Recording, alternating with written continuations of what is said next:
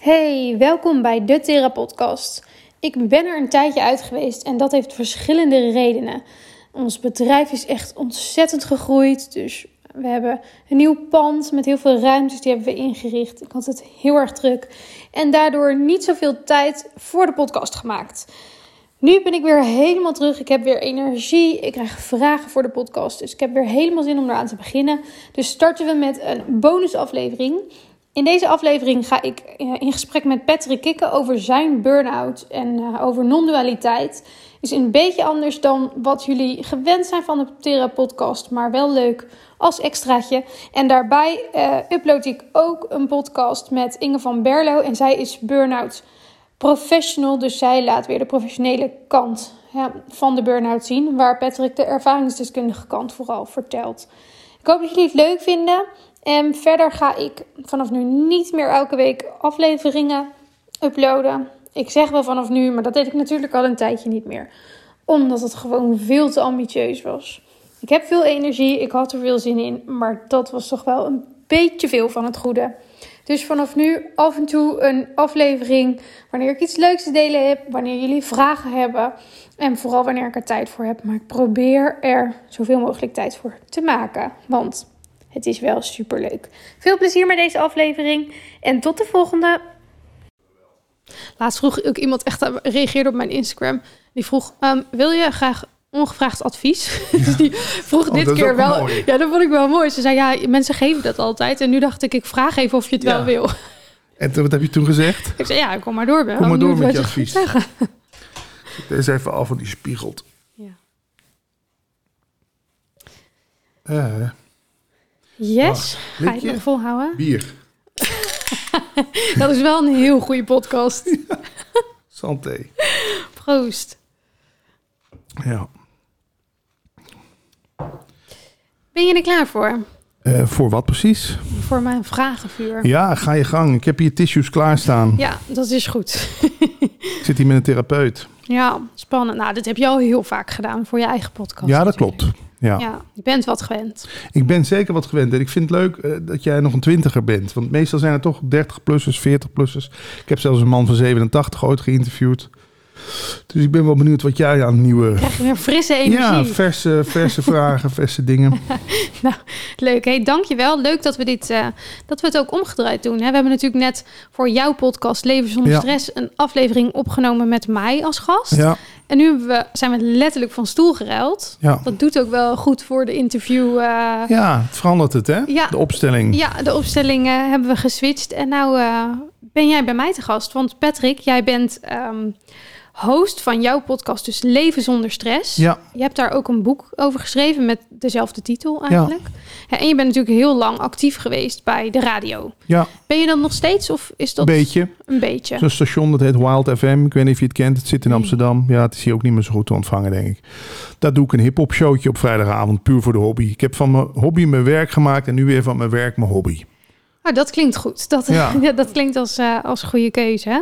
Ja, want jouw, jouw um, radiocarrière is voor mij ook wel een beetje een. een het, is, het is niet Zwarte voor mijn, uh, nee, mijn generatie. Je bent van 19. 94. Ja, nee, toen begon in 95 begon ik bij, bij 3FM en zo. Maar dat is ja, dat heb je.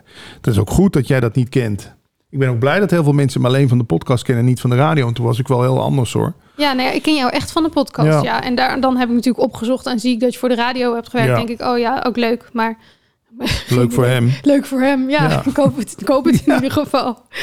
Nee, nee hartstikke leuk. Um, mooie kleur laptop trouwens. Welke ja, kleur is mooi, dat? Hè? Ja, een soort roosachtige roze goud. Ja, wel gaaf hoor. Ja. Ik heb hem dan in het zilver. Maar Dit is veel mooier. Of mag dat alleen voor vrouwen, die kleur? Het is 2022. Ah ja, tuurlijk. Mag, Sorry. Alles mag wat je wil. Oh, gelukkig. Ja. Hey, we gaan het vandaag hebben over burn-out. Ja. Um, en we hebben net al heel kort geconcludeerd dat jij misschien wel meer expert bent uh, over burn-outs dan ik. En we hebben net al wel ook even, dat was natuurlijk in jouw podcast, maar heb ik de uitspraak gedeeld. En ik ben heel benieuwd wat je daarvan vindt. Maar dat burn-out meer gaat misschien over dat je, uh, of dus niet gaat over dat je bent opgebrand, maar vooral gaat over dat je geen energie meer krijgt van hè, wat jou voedt. Dus je Ja. brandstof toevoer eigenlijk weg is. Precies dat. Ik liep ook met hangende pootjes op het laatst echt zo letterlijk naar binnen bij de radio. Ik, het, het kwam niet meer vanzelf, zei ik altijd. Mhm. Weet je, ik weet niet of je dat kent, dat je in je werk moet je ook een bepaalde mate hebben van dat het... Ja, dat je aangaat en dan komt het. Ja, Dat, je niet, dat, je, dat jij niet bijvoorbeeld denkt van, oh, heb ik er nou nog drie vandaag? Weet je wel, nee, vroeger, weet je, je kon me altijd bellen. Nog een radioprogramma, tuurlijk, ik zit al in de auto. En op het laatst liep ik echt naar binnen met zo'n gevoel van, ah, dan moet ik die vier uur vandaag weer vol krijgen. ja, Ja, dat is ja. killing. Maar ja, je bent in vaste dienst. Je krijgt een heel mooi bedrag gestort iedere maand. Wat doe je dan? Dat ga je natuurlijk niet opgeven. Nee, je hebt er hard voor gewerkt, denk Ja, ik ook, om, om er- daar te om daar te komen. Ja, daar hangt een bepaalde positie aan vast. Die, een plekje wat moeilijk te verkrijgen is. Hè, de middagshow bij een landelijk radiostation of de ochtendshow, allebei gedaan. Ja, en wat doe je dan? Dan ga je maar op je tandvlees verder. Ja, Maar ja, dat hou je dan nog negen maanden vol. En ik heb soms ook echt het idee dat ik het laatste druppeltje nog uit die theedoek, die natte theedoek geperst heb. En toen was hij helemaal leeg. En toen, eh, ja, toen moest ik, eh, toen moest ik toch maar zeggen, sorry, het gaat niet meer. hoe lang ben je er toen uit geweest? Ja, twee jaar in totaal. En toen zijn we ook met mediation en zo uit elkaar gegaan. Want het was, het was Oh, echt... niet fijn uit elkaar gegaan? Nee, nee, nee. Nee, maar dat kwam omdat mijn baas er niet in geloofde. Die, die zei van, hoe kun je hier nou ziek van worden? Dit is toch wat je altijd gewild hebt? Ja, Dat ja, kan niet. Je liegt. Weet je, dat is wat hij eigenlijk zei. Ik zeg, ja, toch is het zo. ja. Want welk jaar was dat? Eh, dat is 2015, 2016 geweest. Dus nu vijf, zes jaar geleden. Ja. Is ook wel, denk ik, een jaar waarin er veel minder aandacht nog was voor burn-out. Voor... Ja, klopt. En ik had daarvoor in 2011 al mijn eerste burn-out gehad. Dus het was eigenlijk mijn tweede al bij dat bedrijf. Maar ja, in de tussentijd weer veranderd van eigenaar. Dus dan worden de kaarten weer opnieuw geschud. Dus dat was nog niet een HR-manager. Er waren alweer twee HR-managers verder. Dus die hadden dat helemaal niet in de gaten. Maar in 2011 ben ik eigenlijk weer veel te snel aan de slag gegaan. Omdat ik mijn plekje niet wilde kwijtraken. Dus na vier maanden zat ik alweer eh op de radio. En nu ging het echt niet meer. Maar ik noem een burn-out soms ook wel eens een geschenk. Dat klinkt misschien heel hard. Maar had ik die burn-out niet gehad, dan was ik nog steeds met hangende pootjes daar naar binnen gelopen. Het kon gewoon niet anders meer. Ja, ja. En, maar, en wat is dan het geschenk aan die burn-out? Want als je hem niet had gehad, dan was je met hangende pootjes naar binnen gelopen, zeg je. dan was je hadden dan wij- altijd zo door. Ik denk het wel. Dan hadden wij hier niet nu dit, dit soort mooie gesprekken kunnen voeren. Dan was de podcast Leven zonder stress niet zo'n succes geworden. Dan was er waarschijnlijk ook geen boek geweest. Dus ik zie wel heel erg in van... Ik wil de nieuwe bossen verkennen. Er moest ruimte komen voor eh, verdieping. Want vergis je niet, bij de radio is het natuurlijk toch... hey, de nieuwe van U2. En straks nog Too Unlimited. Weet ik veel wat je allemaal draaide. En straks kun je kaartjes vinden voor de Rolling Stones. Weet je wel, ja. Dit soort gesprekken voeren op de radio is natuurlijk... Ja, dat is bijna not done. Dus Nee, nee. Nee, echt een, een dieper, diepergaande gesprek. Het is vooral hè, natuurlijk luchtig, een beetje ouwe Ja. humor. ja. Dat heb je. Ja, dat je plat. Ja, ja. En die kant heb ik ook in me. Maar ja, ik wou op een gegeven moment ook wel wat verdieping. Ik bedoel, dat heeft ook denk ik te maken met dat ik vrij jong bij de radio terecht kwam. Dus ik heb nooit echt verder kunnen studeren. Ik wilde ook wel eens even weer een beetje wat van die hersenpan gebruik maken.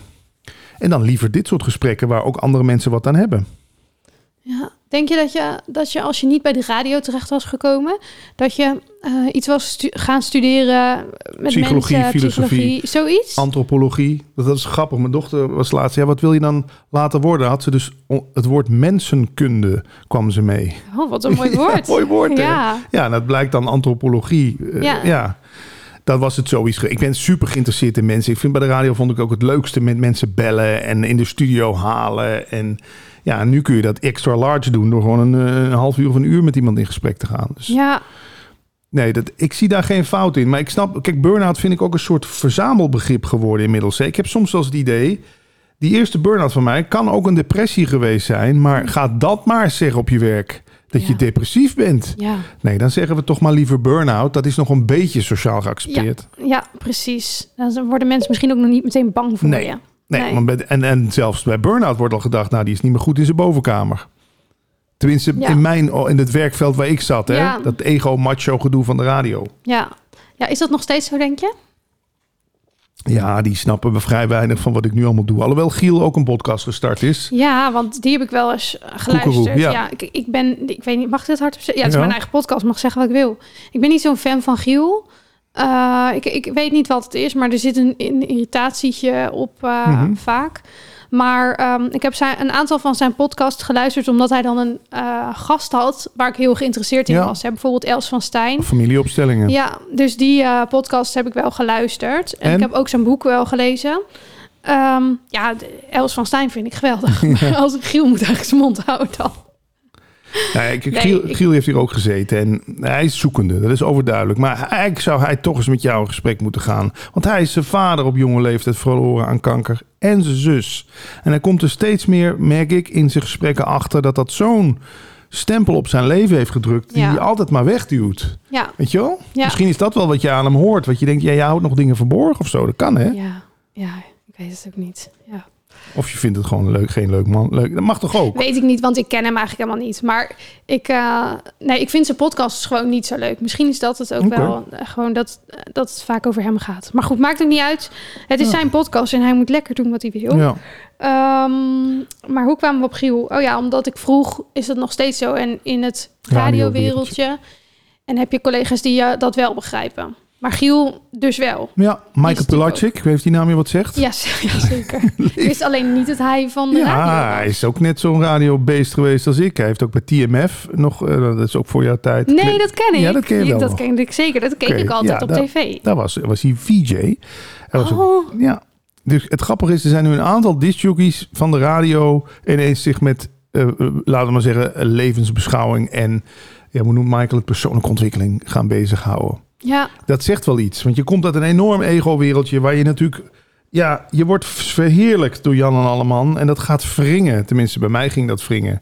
Ik denk, potverdomme man, dat is toch niet alleen maar wie ik ben.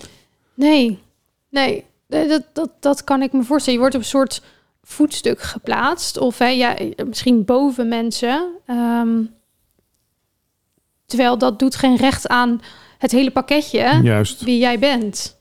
En misschien wel tot je 35ste in mijn geval, dat je dan helemaal met de naam en de faam bezig bent, maar je wilt toch ook van betekenis zijn voor Ja. mensen. En dit ene complimentje wat ik dan per dag krijg of zo over de podcast Leven zonder stress, daar maak ik ook meteen een screenshot van. Dat is net zoveel waard als duizend appjes die bij de radio in één keer binnenkwamen als je kaartjes voor een concert weggaf. Gek hè? Maar ja, toch werkt dat zo. Ja, ja. Nou ja het, het is ook echt van jou natuurlijk. Hè? Die podcast is, is jij. Ja, ik lig, daar leg ik mezelf er ook zo vaak Ja, in bloot. En ja. Dus ja, dat. Ja, het boek. Kijk, het boek Leven zonder stress gaat, eh, gaat over burn-out. Ik het begint met een geruststelling. Weet je, want eh, wat, wat deed ik toen ik thuis zat? Mezelf alleen maar de schuld geven. Ik zei tegen mezelf: Nou, dan heb je het mooi voor elkaar. Hè? Je hele radiocarrière naar de Filistijnen. Eh, je baas mag je niet meer. Het ging me toen met die liefdesrelatie ging het ook niet goed. Dus ja, er was van alles aan de hand. Ja. Weet je wel? En ik, daar gaf ik mezelf de Ik schuld wou van. zeggen, ja, het was jouw schuld. Ja, nou, daarom begin ik mijn boek ook met: het is niet jouw schuld. In eerste instantie, natuurlijk doe je wel dingen dat je denkt, ja, die hebben hiertoe geleid. Hè, bijvoorbeeld geen nee durven zeggen, perfectionisme, wat ik van mijn, vooral maar van mijn moeder geleerd heb, maar van, van mijn vader ook. Maar in eerste instantie vind ik toch altijd mooi om te zien, ja, nou, dit is gewoon hoe het nu is. Dit is zover gekomen. En laten we eens kijken wat er vanaf nu mogelijk is. Die schuld, tenminste, ik ben altijd wel dat ik de schuldvraag er altijd uit probeer te trekken.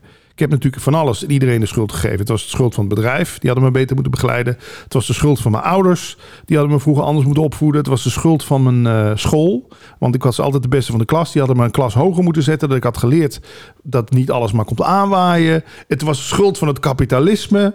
Want ik was alles en iedereen erbij aan het trekken. Maar uiteindelijk viel dat ook weg toen ik stopte met mezelf de schuld te geven. Dus toen stopte ik ook met om me heen te wijzen naar alles en Was je iedereen. eigenlijk niet meer op zoek naar wie is hier of wat is hier de Ja, schuldige van? Ja.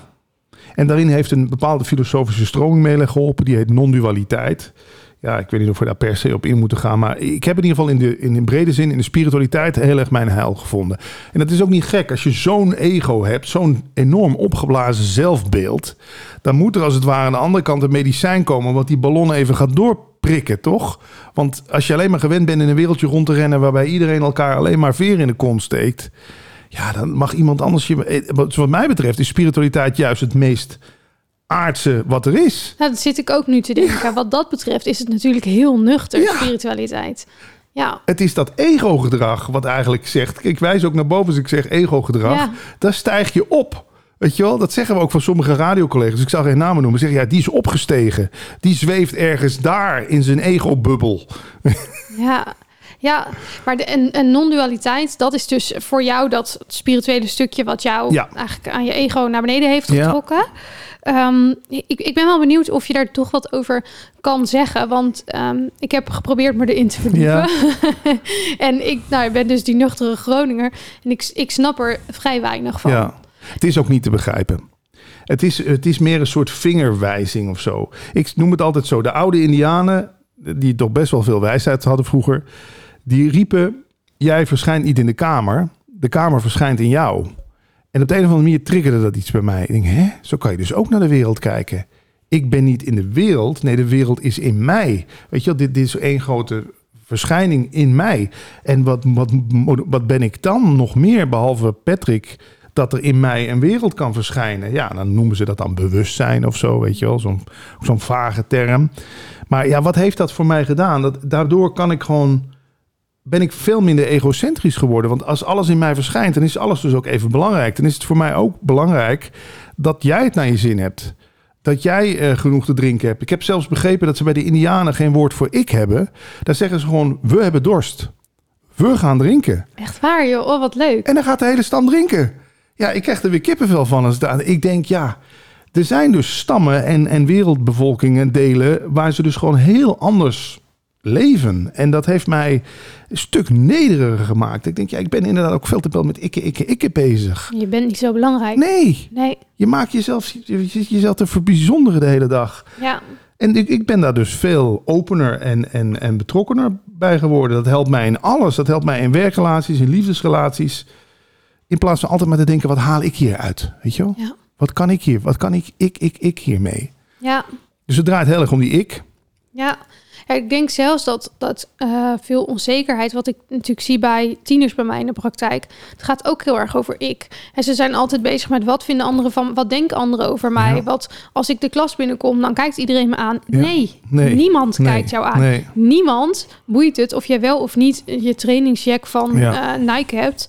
Of niemand boeit het dat Nee. jij drie dagen dezelfde trui aan hebt, want je bent niet zo belangrijk. Ja, En dat, ja, ja, op die manier snap ik hem ja. een beetje. Het, ja, nou, het is ook, je moet er ook een soort van aanleg voor hebben. Ik ben gewoon heel filosofisch aangelegd, weet je. Daarom hou ik ook van quotes en spreuken. En ik ga aan op allerlei eh, moeilijke teksten uit India... die dan in het Engels weer vertaald zijn. Dat vind ik gewoon leuk. Dat dat heeft mijn brein iets te doen, weet je wel. Dus het is voor mij ook helemaal niet dat ik daar nu in geloof of zo. Maar het is een soort vingerwijzing wat ik zeg. En we leven natuurlijk nu in een tijd waarin alles gecentreerd is rondom dat ik. Hè. We hebben die telefoon, die eh, social media noemen we het. Nou, het kunt beter A- e-social media noemen. Ja. Het gaat alleen maar, vaak mensen op Instagram ook, het gaat alleen maar over jou. Ik denk, zet toch eens een mooie foto online van, kijk, dit is de nieuwe fiets van de buurvrouw. Of weet ik, weet je, hoe vaak zie je dat nou? Niet.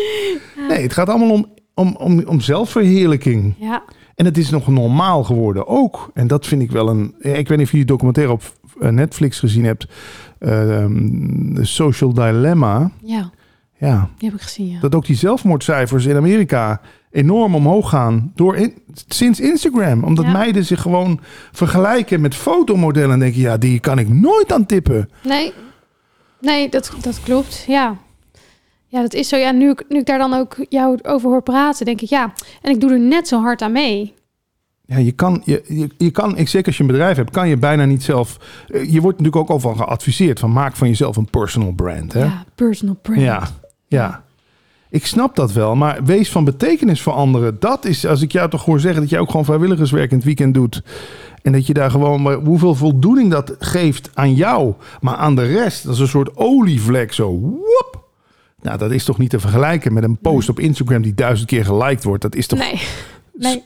Ik hoor dat er zelfs nu een Facebook-depressie, dat dat officieel opgenomen is in de DSM-5. Dat je dus gewoon de, dat mensen depressief raken van Facebook. Oh, nou, dat wist Ja. ik niet.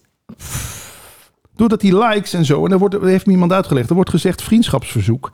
Het is geen vriendschapsverzoek, het is een connectieverzoek. Ja. Maar die bedrijven maken er vriendschapsverzoek van, zodat jij het idee hebt, hé, hey, ik krijg er een vriend bij. Ja. Maar een vriendschap, daar moet je toch al heel wat anders voor doen dan op accepteren klikken op een social media platform.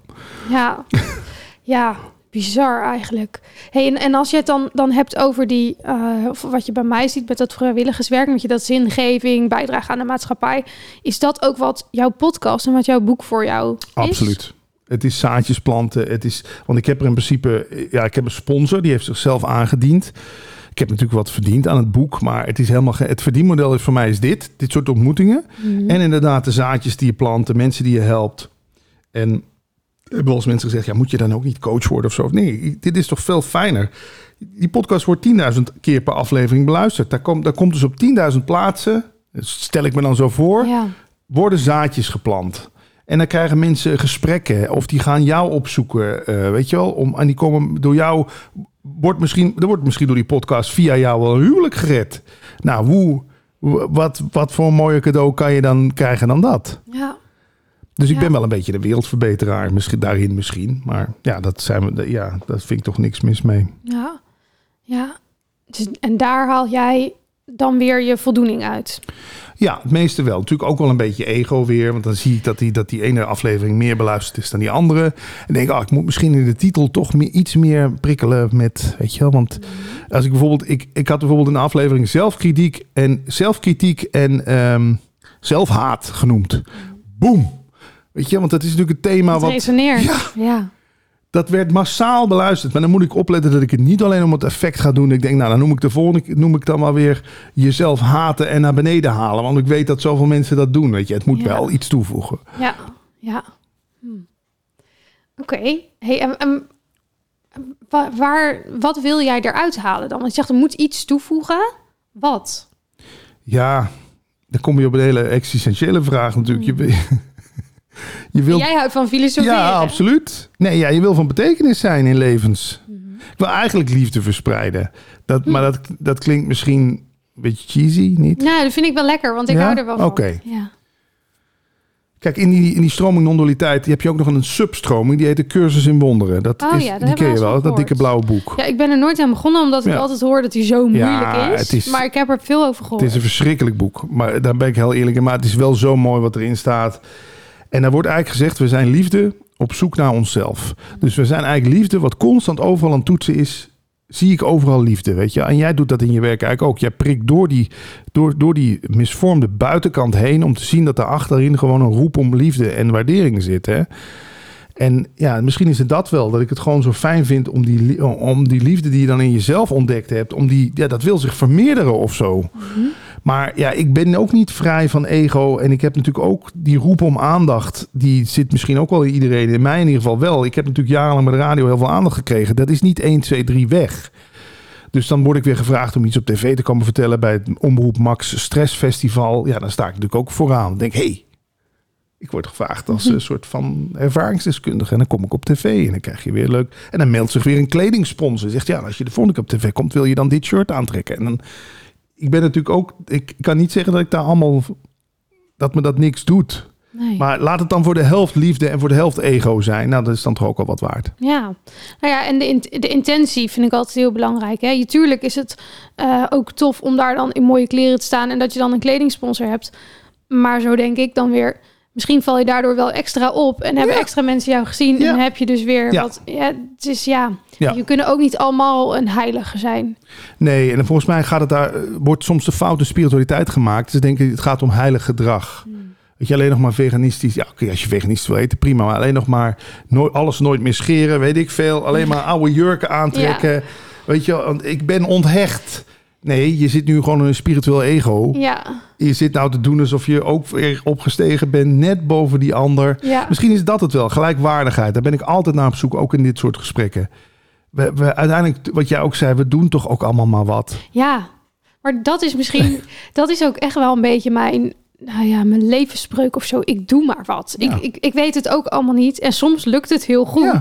En soms lukt het totaal niet. Ja. Eh, maar ik, ja, ik doe ook maar wat. Ja, ja. En soms, ik vind dat ook wel is lastig. Jij begon ook met eh, dat je soms, toen je nog bij de radio zat, mensen soms naar je opkeken. Mhm. En ehm, ik merk wel eens, er, niet dat mensen per se naar mij opkijken, maar dat als iemand zegt van ja, jou lukt ook alles of zo. Hè? Bijvoorbeeld mijn, eh, mijn zusjes of zo kunnen wel eens dat idee hebben of zo'n opmerking maken. En dan denk ik nee. Nee, niet alles lukt Nee. mij. En eh, ik werk A gewoon heel erg hard.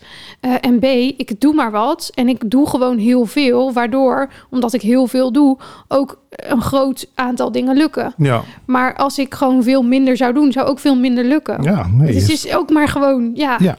Geen idee. Je stopt daar energie in. Maar het is wel zo bij jou. Kijk, ik krijg natuurlijk heel veel aanvragen ook voor de podcast Leven zonder stress. Van uitgeverijen, van schrijvers, van grote namen. Charlotte Labé bijvoorbeeld. Die willen dan bij jou Ja, komen. die wil ik. Want die zien ook van ja, die podcast wordt goed beluisterd. Dus dat kunnen we. on- Kijk, en, en daarom ga ik liever met mensen zoals jou in gesprek. Die, die, die dingen nog doen vanuit een soort. Niet van ik moet en zal de grootste worden. Geen Ik- marketing nee, oogpunt. Ik moet en zal binnen nu en, en in twee jaar 50.000 volgers op Instagram. En dan kan ik allemaal partnerships aangaan. En je hebt natuurlijk ook een hele stroming nu van lifestyle en business coaches. Oh my god, ik geloof dat Eva Jinek er zelfs een artikel over heeft op de website. De Mindset Mafia. Er is, er is in coachingland heel veel, ik weet niet of jij dat ook opgevallen is, heel veel gaande is. Nou, dan investeer jij bij mij 10.000 euro voor een jaartraject. En ik garandeer jou, dan komen er twee Ja. andere mensen bij jou ook een jaartraject van 10.000 euro afnemen. Dan heb je het weer terugverdiend. Ja, en ik, beloof Ja, jou ik beloof dat jij dat... lukken. Dat is gewoon liegen. Het, het, ja, het is een piramidespel bijna. Gewoon, het is niet waar. Nee, nee. Ik ben er zelf ook wel eens ingetrapt. Ik heb ook wel eens een business coach gehad. En ik heb er nu, nu nog steeds... Ik heb een financiële business coach. Maar dat is echt iemand die mij helpt structuur aan te brengen in mijn bedrijf. Die me overzicht in mijn financiën geeft. Die waarmee ik nou ja, helemaal profit first methode gebruik. En met potjes en zo. Dus die is echt inhoudelijk met mij aan aan. het werk. Echt. Ik heb al drie Ja. keer mijn traject verlengd Nou. bij haar. Maar ik heb daarvoor ook een business coach gehad. ehm, die ja, vooral boekenwijsheid eh, Ja. aan je overbrengt. En zeg je, als je dit doet, dan ga je sowieso 10k verdienen, Ja. bla bla bla bla. Ja, daar heb je helemaal niks aan. Het is, ja, Ja. Ik, ik snap dat artikel van, van. Ik heb hem niet gelezen, maar ik heb meerdere dingetjes daar, Ja. daarna zien oppoppen. Dat snap ik heel goed. En ik denk ook dat het goed is dat er aandacht voor komt. En goed dat we daar mensen ook voor waarschuwen in, in therapeutenland. Dat daar ook daar zijn, niet alles is slecht, wat jij Nee. ook zegt. Je, maar er zijn er heel veel met heel veel poeha. En dan ga je kijken en denk je, ja, die hebben 15.000 volgers op Instagram. Dat moet, dat moet wel wat zijn. Ja, Maar je weet, Instagram volgers zijn ook te koop, hè? Bedoel, die Ja, kunnen, dat bizar. kunnen ook gekochte Instagram volgers zijn. En het- ik, ik, ben ook niet zo van dat fake it till you make it. Dat wordt daar ook een beetje zo gedaan. Hè? Als, ik, als, als, als ik me maar voor zou doen als de nummer één expert op burn-out gebied... dan kan ik 500 euro vragen voor een sessie... of 10.000 euro voor een half jaar trek, weet ik het. Ja, ugh, ja. Wat- Nee. daar gaat het toch niet om? Je wil mensen helpen. Ja, ja. Nou ja, en sowieso ben ik eigenlijk stiekem ook niet altijd een voorstander van ervaringsdeskundigen als therapeuten. Nee? Hè, want die, het kan heel goed werken, maar ehm, niet als dat het enige is. Nee. Want wat heel veel ervaringsdeskundigen, en dat is heel veel in rouwland, gebeurt dat. Vanuit burn-out weet ik het niet. Maar dat dan is bijvoorbeeld je partner overleden. En dan, oh ja, ik ben ook goed met kinderen, dus ik ga maar, ik word maar Ja. rouwbegeleider. Ehm, want mensen zeggen dat ik zo goed kan luisteren. Maar die nemen hun gebeurtenis als een soort blauwdruk voor Iedereen. Voor iedereen. En vanuit die, eh, vanuit die blik gaan ze ook mensen helpen. Terwijl wat jij fijn vond in die periode, hoeft niet te betekenen dat iemand anders dat ook vindt. Dus soms zeg ik ook wel eens, is een beetje gechargeerd, maar ervaringsdeskundigen maken de slechtste therapeuten. Nou, maar dat vind ik goed. Tenzij ze dat natuurlijk aankijken en Ja. alle kanten ervan. Daarom ben ik misschien ook geen coach geworden. Ik heb gewoon, ik neem mijn ervaring daarvan mee in gesprekken. Maar ik toets het wel steeds aan wie tegenover me zit. En ik heb ook met heel veel andere lifestyle of eh, burn-out coaches gesproken. En, en mensen die er boeken over hebben geschreven. En ja, er is er ook, er is er ook niet maar één waarheid. Nee. Nou ja, zolang je dat weet, dan kun je eigenlijk niet zoveel fout doen. Ja. Nee. Hey, en toen jij dus in je burn-out zat, hè, heb jij ook eh, hulp gehad? ja, nou de meeste hulp heb ik nog gehad van het advies van een huisarts. Hm. Die tegen mij zei, eh, waar werd je vroeger als kind blij van? Moest ik even nadenken, ja, stripboeken lezen. Zei die, ga stripboeken lezen. Wat deed je nog meer? Tekenfilms kijken. Ga tekenfilms kijken. Hij zei, er moet weer eens wat lucht in dat leven voor jou komen. Weet je, je neemt de zaken veel te serieus. Ja, dat is het beste advies ooit. Want ik ging inderdaad Family Guy zitten kijken. Dirk Jan lezen, zo'n strip die ik te gek vind. En dat bracht inderdaad weer de humor een beetje terug. En de luchtigheid. En daardoor begonnen andere dingen ook weer een beetje te stromen. Dus ik vind het ook leuk om te horen dat jij bij jouw humor ook een soort van hoog in je vaandel staat. Ja, humor is een hoge vorm van liefde, heb ik Shakespeare wel eens horen zeggen. Als dan toch liefde teruggebracht moet worden in situaties, waarom dan inderdaad niet met een grap? Of natuurlijk, je moet ook de dingen niet belachelijk gaan zitten maken. De risico is ook dat je dingen gaat zitten weglachen. Och ja, het is maar een burn-out. Nee, maar het heeft mij, dat heeft mij in ieder geval heel erg geholpen. Naast natuurlijk allerlei voedingsexpert. Weet je wat je allemaal. Kijk, die podcast is eigenlijk ook gestart als een soort van zoektocht. Van ja, hoe voorkom ik nou eigenlijk dat ik ooit weer uh, zo aan mezelf voorbij loop? Ja. Maar ja, dan kom je met zoveel dingen in aanraken. Ik kan niet één ding opnoemen, wat, wat, behalve dan wat die man zei, wat heel erg. Nee, wel echt een super, ik vind het super leuk advies. Ja. Gewoon ook van die uh, huisarts. je hebt dus niet een, een burn-out coach gehad of een... Nee, Nee, ik heb dus met mensen interviews gehouden. En, en ik ben hem. Ja, ja, kijk, spiritualiteit is wel een beetje mijn redding geweest. Ja. Want ik, ik nam het leven veel te serieus. Ik maakte mezelf veel te belangrijk. Nou, als er iets een recept is voor burn-out, is het natuurlijk, zijn al die twee dingen. En dan ook nog eens geen nee kunnen zeggen. Daar ben ik ook wel achter gekomen. Perfectionisme. Perfectionisme. Ja. En dan ook nog een soort van issues met mijn vader, maar op mijn baas projecteren. Dus de waardering die ik zo graag voor mijn vader wilde, die moest nu bij die baas vandaan komen. Ja, je hebt wel een pretpakket. Ik heb een leuk pakketje gehad, ja.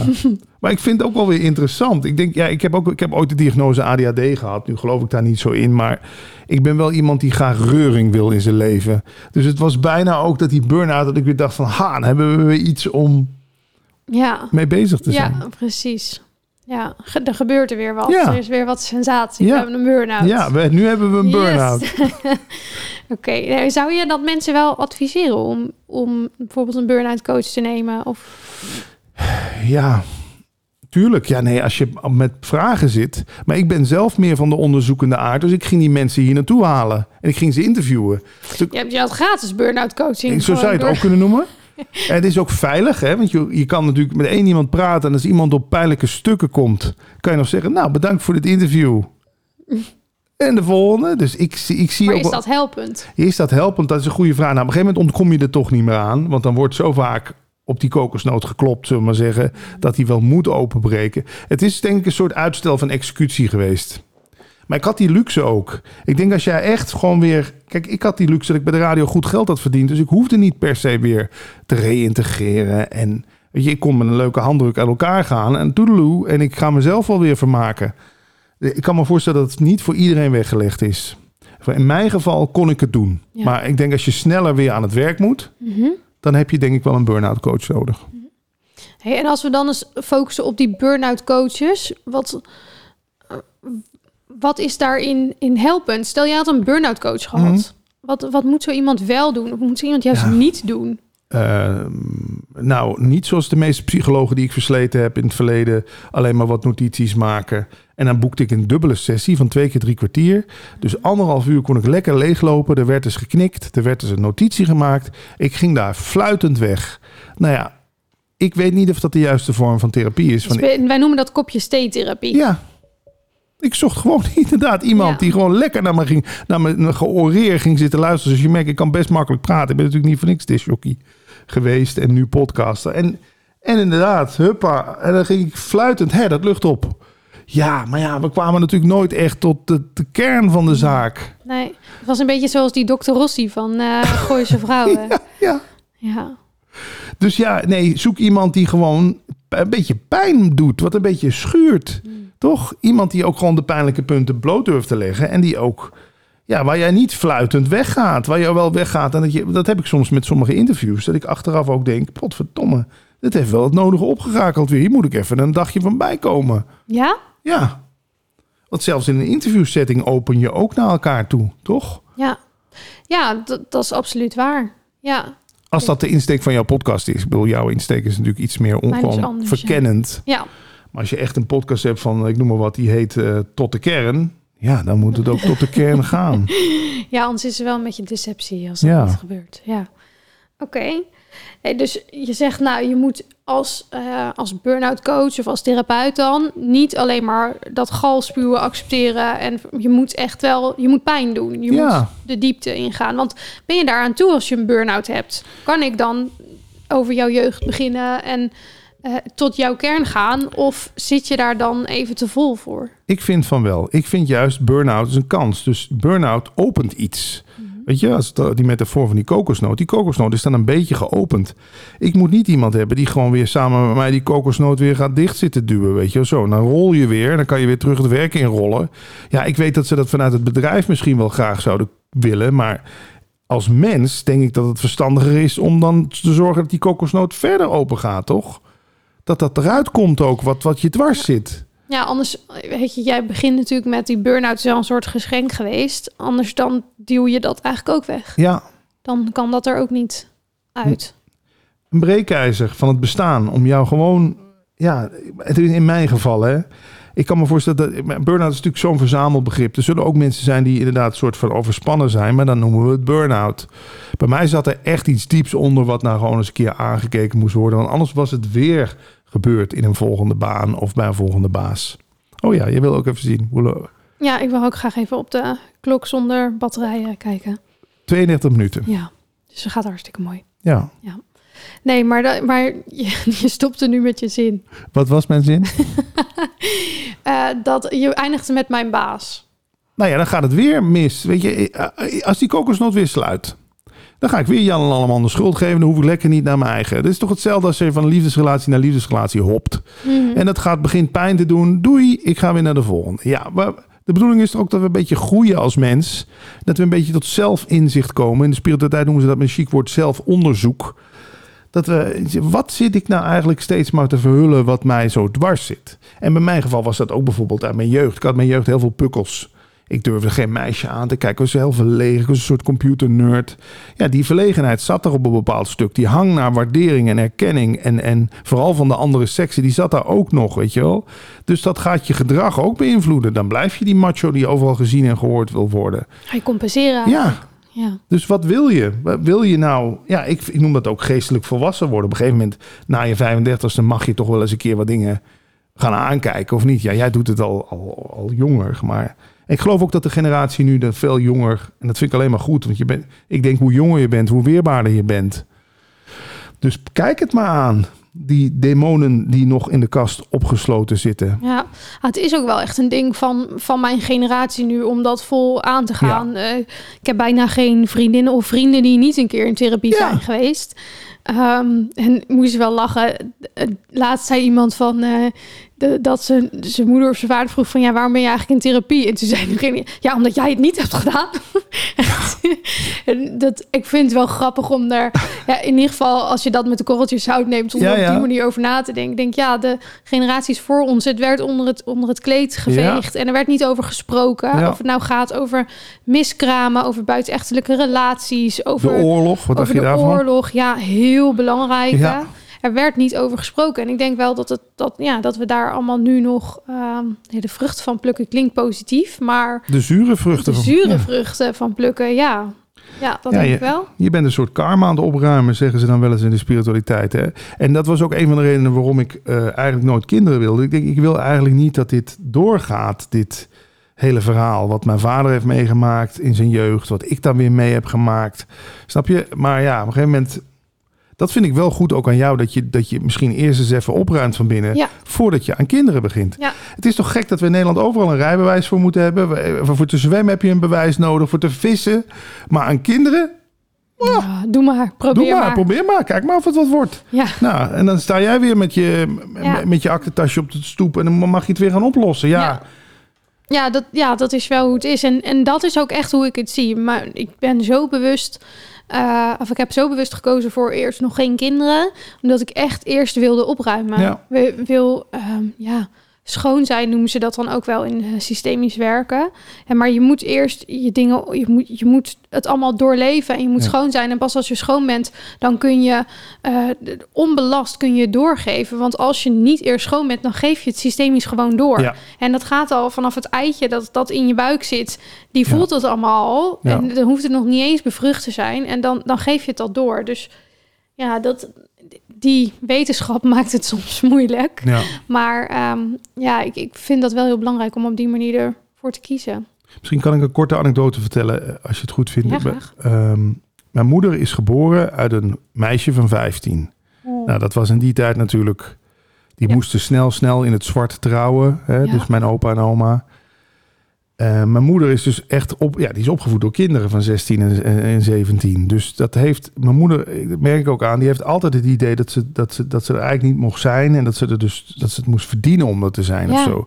Dus dat pleasende wat mijn moeder heeft, dat heb ik heel erg van mijn moeder geleerd. Dus, maar het heeft me wel, door dat allemaal te onderzoeken, hoe dat allemaal zo gekomen is, ja, dan krijg je een soort begrip ervoor. Ja, dan kan je mild, met mildheid naar hoef ik ook niet boos te zijn. Mijn moeder, ja, waarom was je dat zo pleasing? En dan heb ik dat ook in relaties. En nee, je begrijpt gewoon waar iemand vandaan komt. Maar inderdaad, mijn moeder die gaat, die zou nog, als de been eraf zou vallen, zou ze nog niet eens naar een dokter gaan. Bij wijze van spreken, die is helemaal wars van iets fixen of onderzoeken. Ja, en dan, en dan is het niet gek misschien dat dan de generatie daarna, in dit geval ik, ik, ik heb een hekel aan alles onder het tapijt vegen. Weet je, ik, ik doe nog liever de overtreffende trap. Dat ik het nog bij wijze van spreken buiten met een spandoek ga staan. Ik heb een depressie, weet ik veel, weet je wel? Snap ik bedoel? Ja, ja. Omdat ik daar zo wars van ben, dat altijd maar alles... Oh, de deur staat open, dadelijk horen de buren. Weet je, als bij ons ruzie was vroeger, dan was het... "Sst, de buren. Ja. Denk je, wat is er nou belangrijker? ja, maar dus eigenlijk ben jij ook aan het compenseren voor het gedrag van je moeder. Een soort van wel, ja. Ik heb ook bijvoorbeeld, staat een goodiebag van jou straks klaar. En denken mensen ook, ja, maar wat is dat? Je geeft er al genoeg waarde door iemand in je podcast vragen. Ja, ik ben gewoon, ik vind dat ook gewoon leuk. Ik vind geven, vind ik gewoon... Maar Ik weet niet, ja, geven maakt mij gewoon blij. Is dat omdat ik het voorbeeld van mijn moeder heb gehad... dat die de hele leven alleen maar aan het geven is? Of wat ik ook in spirituele boeken lees... ja, nee, maar geven maakt ook blij. Want dan zijn er twee blij. Heb je dat boek ook gelezen over geven? Dat boek, eh, de kunst, kunst van het geven. De, oh, Niet de het- subtle art of not giving a fuck. Nee, nee, nee, nee. Ik ga het even naar jou appen, Ja. eh, hoe dat boek heet. Ehm, maar die gaat over waarom we geven. En dat eh, gaat geloof ik ook over dat als je geeft, dan eh, creëer je eigenlijk een schuld bij iemand anders. Dus als jij mij straks een goodiebag Ja. geeft en je, heeft, jij geeft mij een plek in jouw podcast, Ja. dan heb ik eigenlijk een schuld aan jou. En dat is voor jou heel comfortabel. Het is een comfortabele positie om te hebben. Hè? Want ik sta bij jou in het krijt. Ik kan ooit nog eens een beroep op jou doen of zo. Ja, Dat sfeertje. ja. Ja, zo heb ik er nooit naar gekeken. Voelt dat voor jou vervelend dan als ik... Helemaal niet. Want ik vind, het, eh, ik vind ook dat we in Nederland, of misschien wel in de hele wereld, te slecht zijn in ontvangen. Hmm. We vinden het heel moeilijk om te ontvangen. Ja. Hè? Of het nou gaat om een compliment, of om Ja. een cadeautje, of om een gunst. Hè, een vriendin van mij, haar partner, die eh, lag in het ziekenhuis een aantal weken geleden. En toen ehm, ben ik naar haar toe gegaan. En toen heb ik eh, drie maaltijden gebracht toen hij er net lag. En eh, voor haar, zodat ze niet hoefde te koken Ja. voor haar twee kleintjes. Ze heeft twee baby's. Of een peuter en een baby. Ehm, en eh, nou ja, we, we oppassen. Of dat, ik, ik, ik geef dat dan ook graag aan haar. ja. Ehm, en eigenlijk als zij dat niet van mij had ontvangen op dat moment... dan was het eigenlijk ook een soort afwijzing Ja. geweest. Hè? Want ik wil iets voor haar kunnen betekenen. Zij is belangrijk voor mij. Haar kinderen zijn belangrijk voor mij. Dus ik help ze als zij het moeilijk hebben. Ja. En als jij dan zegt nee, of het hoeft niet... of nee joh, doe geen moeite...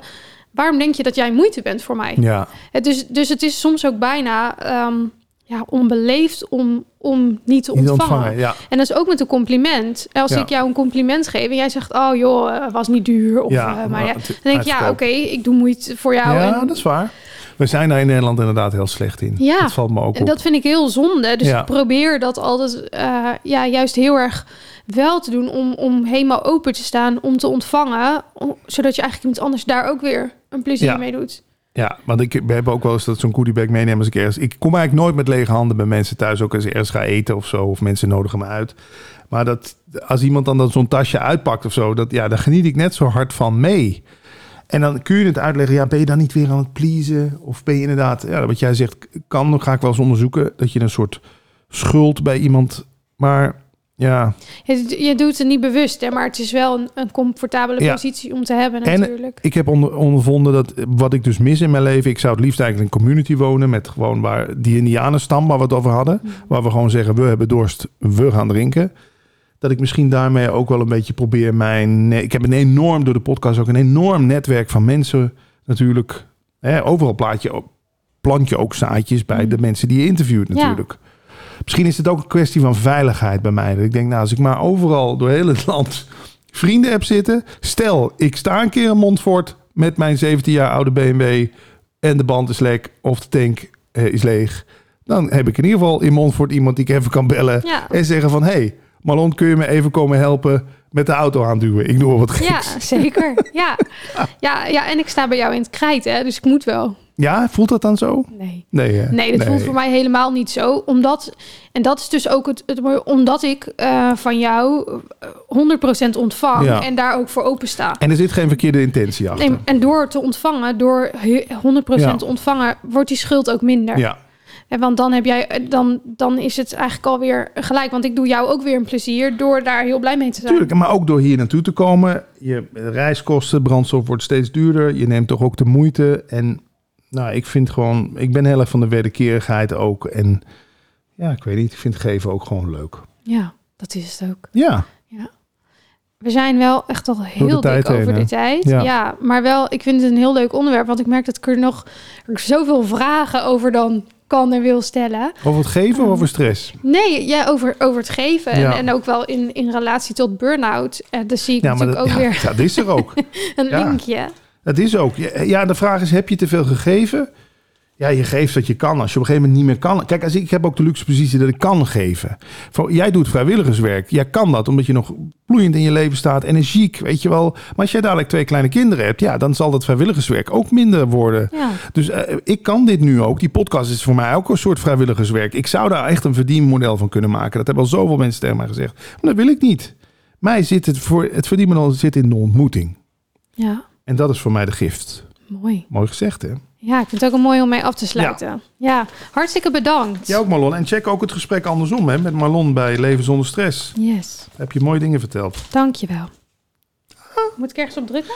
Eh, ja, nee, kom wel even die kant op. Laat je weten wat je van de aflevering vond. Je kunt me bereiken op @marlondijkhuizen op Instagram.